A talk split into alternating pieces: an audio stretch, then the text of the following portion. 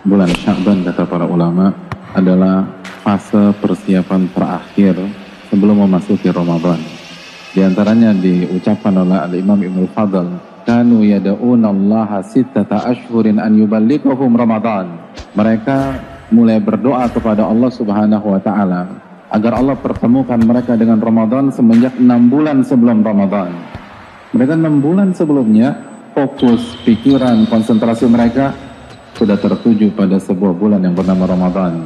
Jangan kita pikir para ulama terdahulu dengan berbagai macam prestasi bulan Ramadan itu tanpa persiapan, keliru, itu persiapan.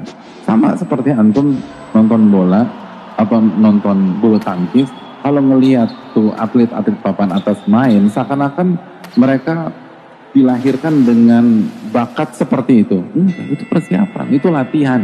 Cuman antum nggak pernah nonton aja latihannya itu upaya, itu kerja keras, itu effort, itu diulang-ulang, itu repetisi.